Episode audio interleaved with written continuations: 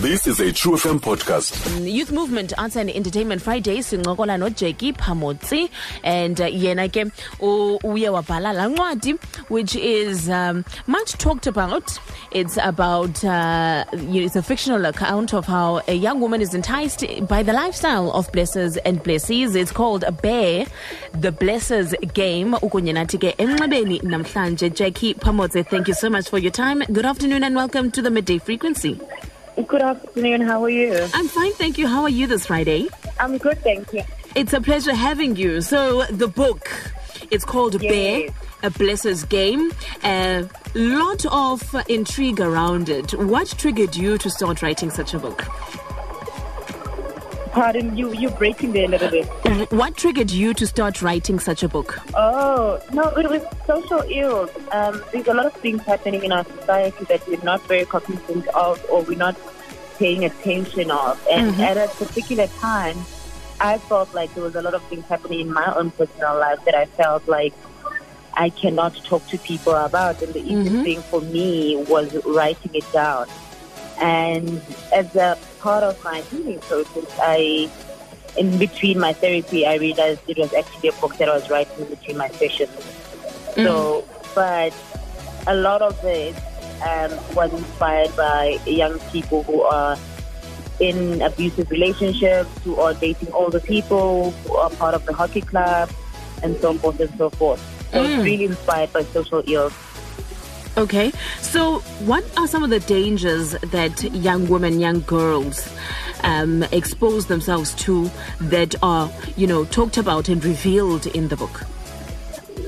Um, it's just drugs and alcohol and a lot of sexual transactions, you know.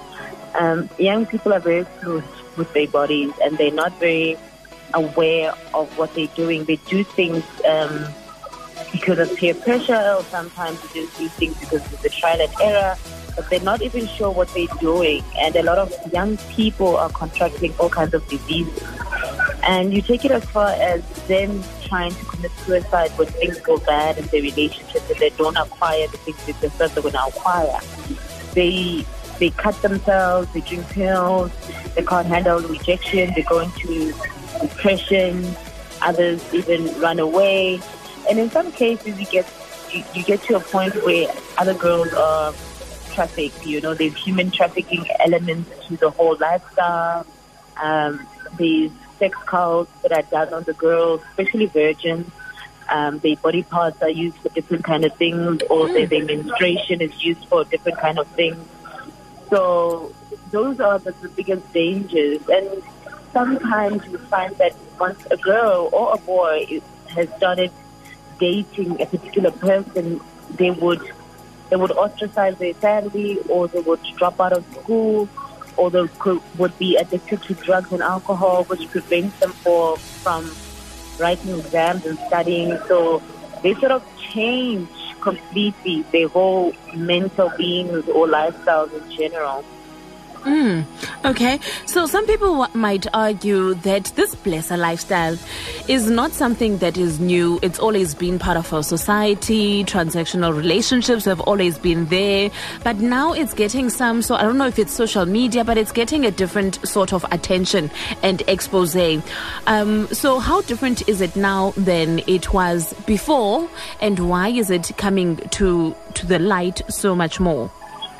In the olden days, um, dating older people was part of culture. Um, it was not something that is seen as a taboo system. Um, older people would date virgins, marry them, young girls. You would find that the age group is like 15 years, 20 years, 10 years, and it really really not be a big deal because it was it was sort of controlled by families, and all the families were involved in the relationship. They knew when it's time to intombazane indodolo or um, these cows paid for damage and stuff like that. So it was a holistic thing. However, now um, with social media and the way young people conduct themselves, you barely know when a young person is dating anybody, whether old or young, because they hide it so well. And because of people not being genuine with their intentions, you would find that an older person dating a young girl for them is not it's not really a relationship. It, it's some kind of entertainment or um, just they are a social trophy for them. So they will just use them to go to functions or dinners or for sex or just for their social standards so that their other friends can see that this older person is dating um, a younger person. So it would not necessarily lead to marriage or anything like that that is a little bit more concrete or stable. They would be just used. And social media has sort of increased how um, these young people are engaging in their sexual and relationships. And you would find that now because it's sort of glamorized, you can do one act and get a handbag and do the other and get a cell phone. So the, the, the genuine nature of relationships have sort of changed into into a system or a way that's leading to prostitution, if I may put it that mm-hmm. way. So the dynamics of these relationships have completely changed from the agenda to the intention of it. Why are they doing it or why are they in this particular relationship? They, they've got their own agendas. I mean, there are girls who are doing it for education purposes to pay for accommodation or books. And then there are girls who are just doing it for social media, for Instagram. So they would want to sleep with someone so they can post it that they were in a hotel, they were drinking champagne, or they were eating this kind of food. And other people just do it because they're depressed and they want an escape from their normal life. You would find that a girl who was sexually abused or was um, neglected at home is just seeking attention from someone. And they would date an older person seeking validation of a father or a parent or somebody who will just take care of them. So there's different intentions to why they do it. Mm, okay. So earlier on, you uh, mentioned Hockey Club, and also uh, there's uh, been some talk also on social media. Could you explain what that is, and wh- in the book what the, the, what Hockey Club refers to? Um, the Hockey Club is a secret society similar to the Illuminati. Um, I think a lot of people are aware of it, the Illuminati. However, this one has originated here in South Africa, where um, rich people and politicians get together and they acquire different kinds of properties in the country and outside of the country. But the most popular one is the one in Bryanston Sandton in Johannesburg. And they lure girls into the, the club, girls and young boys for different reasons. Um, in particular, you would find some girls are virgins, so they would use them differently in their sex cult. And then you would find other uh, play queens or celebrities that are just looking for extra money, and they would um, solicit solicitate them for different things, whether it's for entertainment, sex, drugs, or even just entertainment throughout the night as they are there in their house, mm. um, where you would find that there's orgies, there's threesomes, um, its partners changing on partners, and other rich people use it for their own um, entertainment in a way that if their relationship with their wives is not working out, they would introduce a third party of their choice.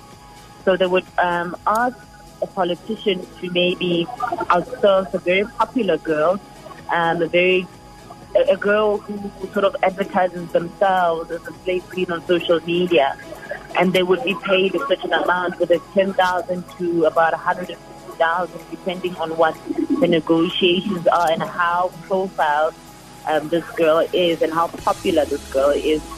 And they would pay according to that. So, yes, your social media likes and numbers and following does also contribute to the value of your of the trade because the more popular you are, the more in demand you can be, and the higher the cost of the stakes are.